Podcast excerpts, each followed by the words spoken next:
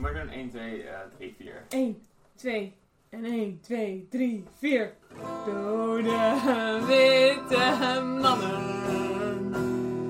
Dode witte mannen. Ze zijn zo dood, ze zijn zo wit. Ze hebben allemaal een mannelijk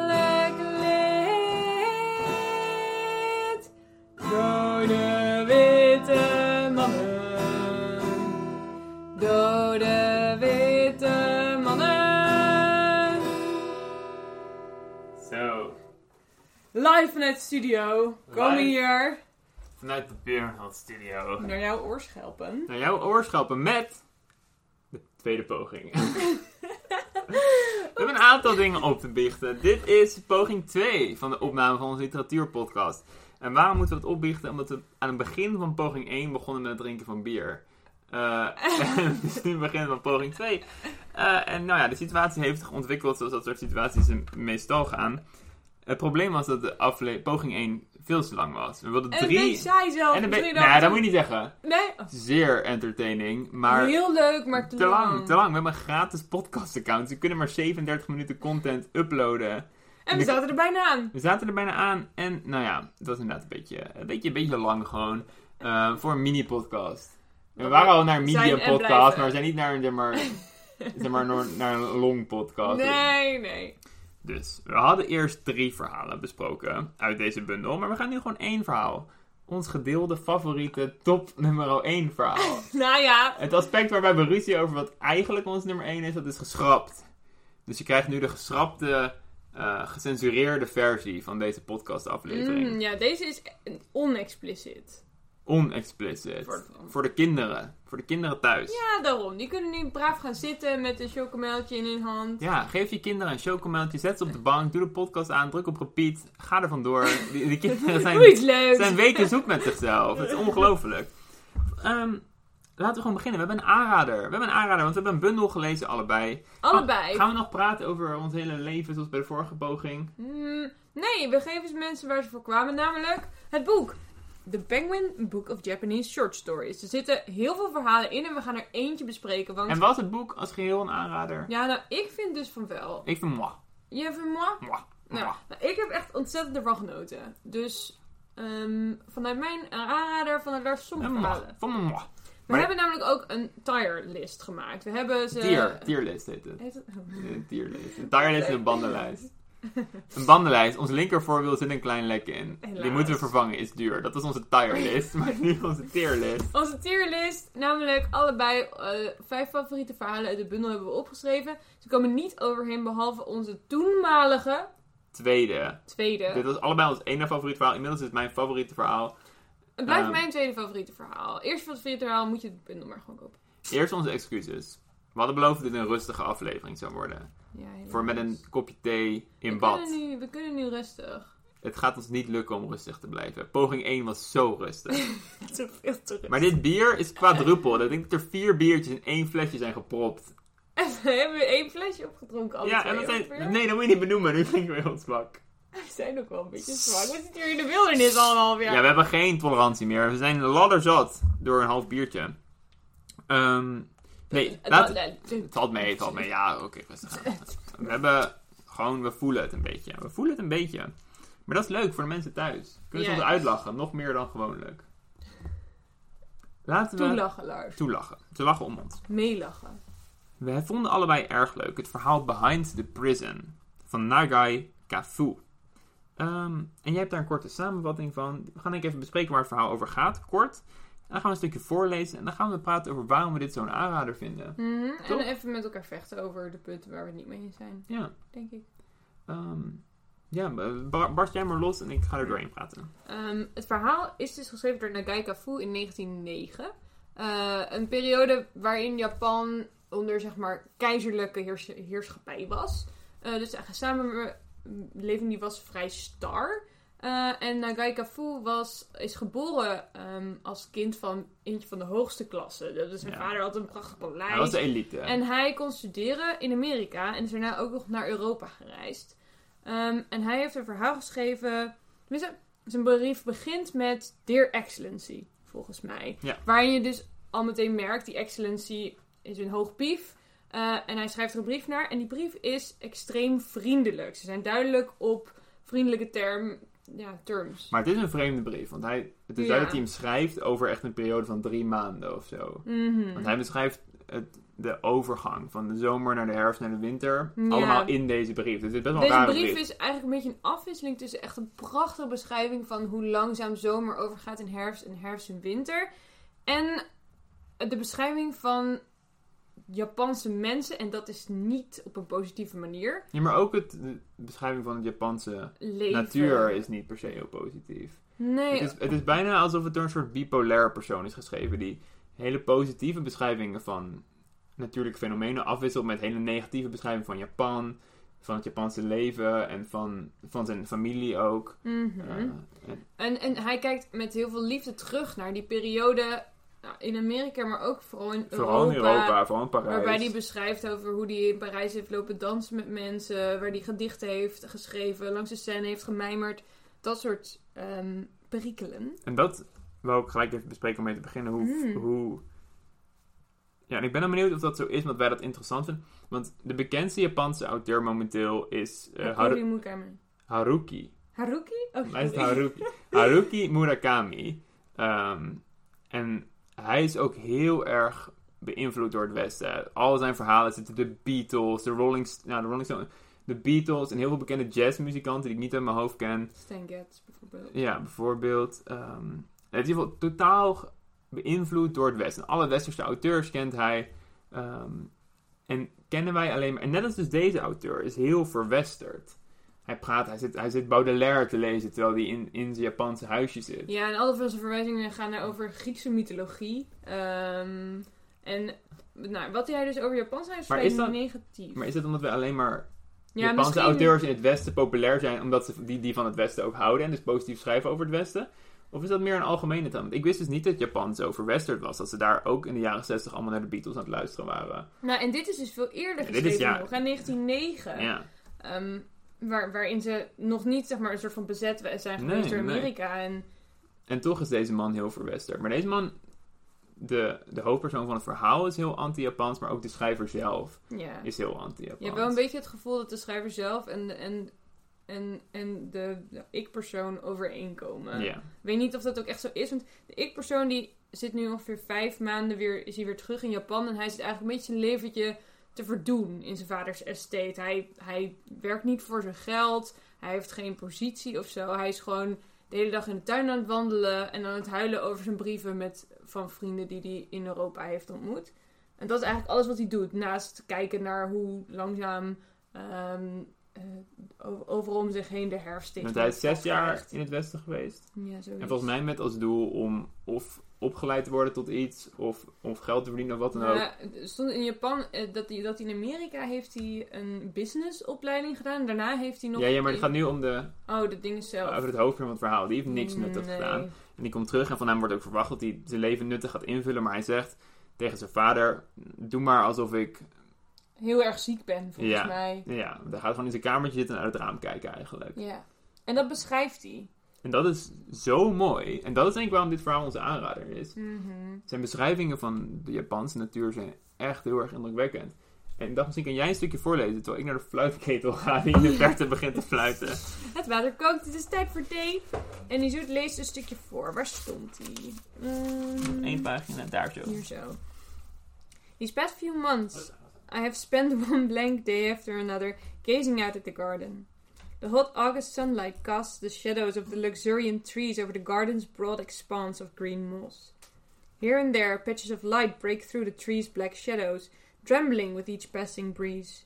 I find the sight inexpressibly beautiful.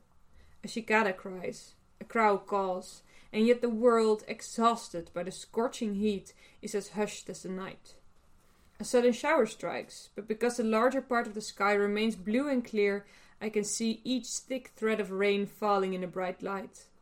Each of the plants responds differently to the downpour, the delicate ones bowing to the earth, the stronger ones springing upwards, the sound of the raindrops striking them varying from light to heavy depending on the thickness of their leaves. The shower symphony rises to a great crescendo with the rumbling bass drum of the thunder that rolls through, to be followed by the gentle moderato of the green frog's flutes, and a final hush as sudden as the piece's opening.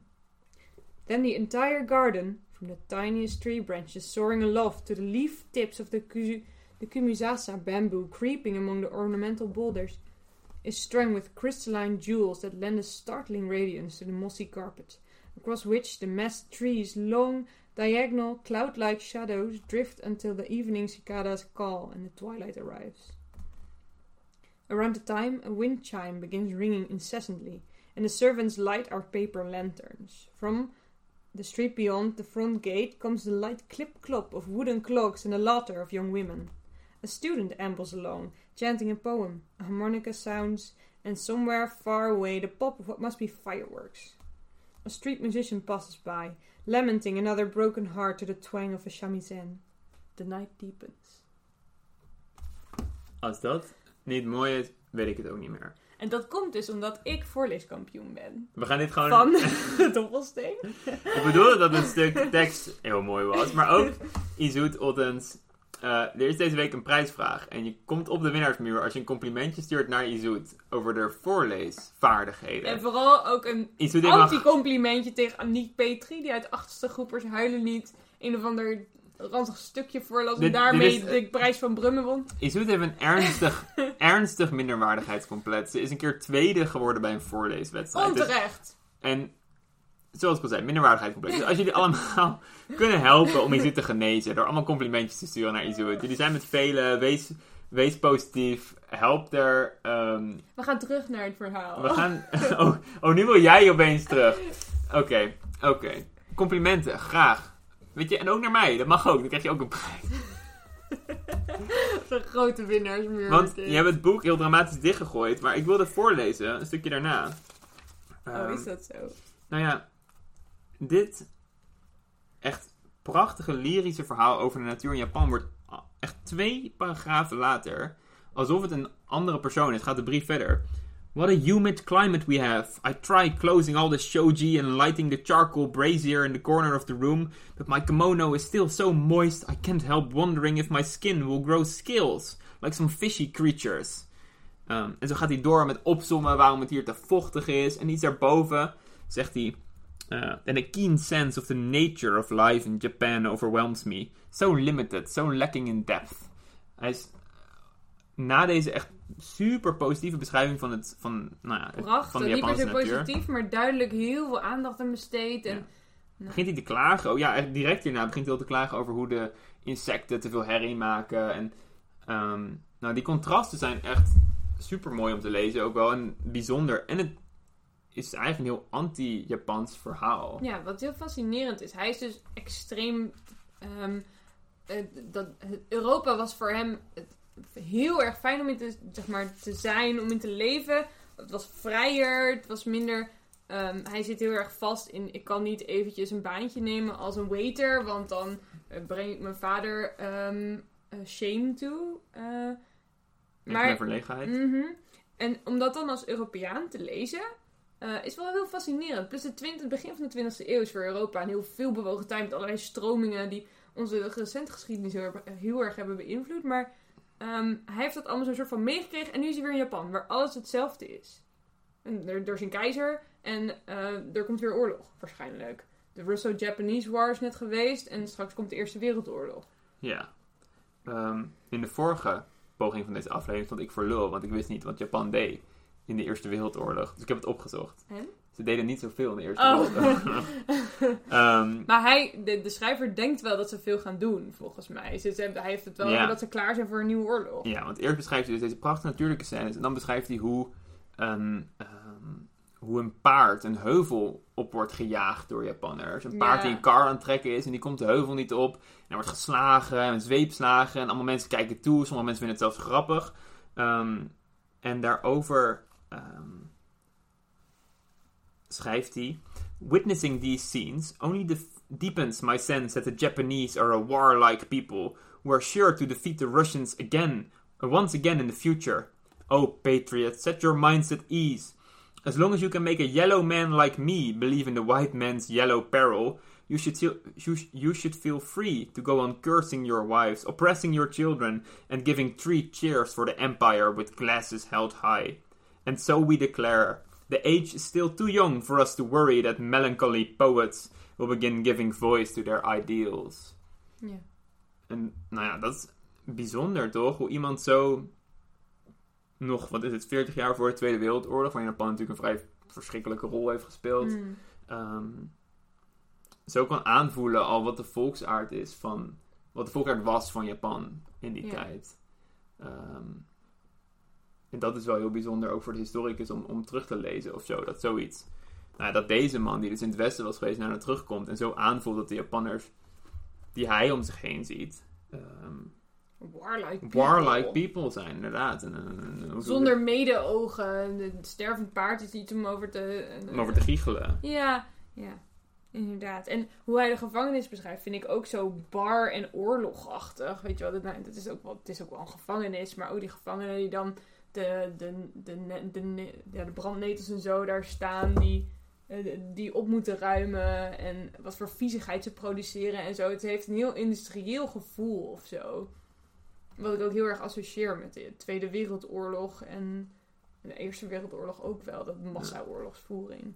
Ja, het, proef, het proeft naar de toekomst, dit verhaal. Mhm. Je proeft dat echt erin. Terwijl dat, Terwijl het ook weer terug verwijst naar zo'n... Nou ja, van die Japanse gedichtstukken. Want het voor, die gaan ook heel vaak over de natuur. En over hoe prachtig en schoon dat is.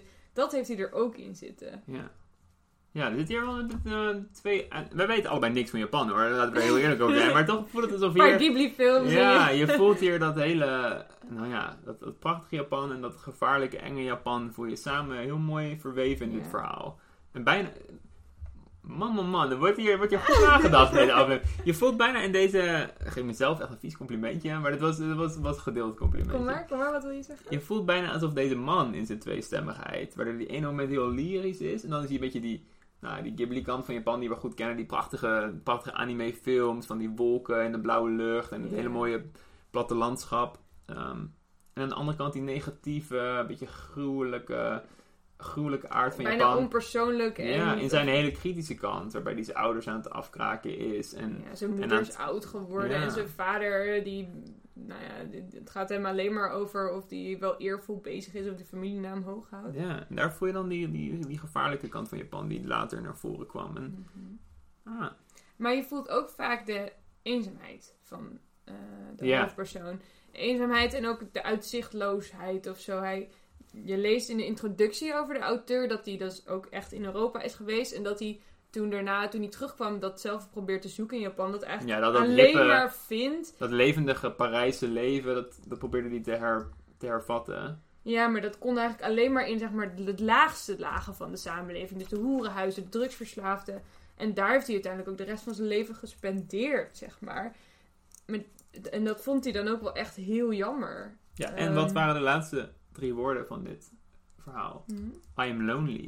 Want hij begint dus deze brief eh, aan de Dear Excellency met allemaal mooie beschrijvingen. En hij eindigt, wat nog steeds een brief is, met Excellency, please come visit me once before the onset of winter. I am lonely. Ja. Dat is het En- einde van het verhaal. En dat het ook begint met dat het heet eh, Behind the Prison. Hij is duidelijk, ja, hij is bijna een gevangene. Het is zo Ja, uitzichtloos in waar hij Japan. zit. Ja, Hij liefst zou hij terug zijn in, in, het, in het levendige Parijs, maar dat is dat kan dus ook geen niet. optie voor hem. Ehm, een prachtig verhaal. Een absolute aanrader. Een je kan hem in deze, deze, dit boek lezen, maar je kan hem ook En dit, wacht even. dit, dit boek is de Penguin Book of Japanese Short Stories.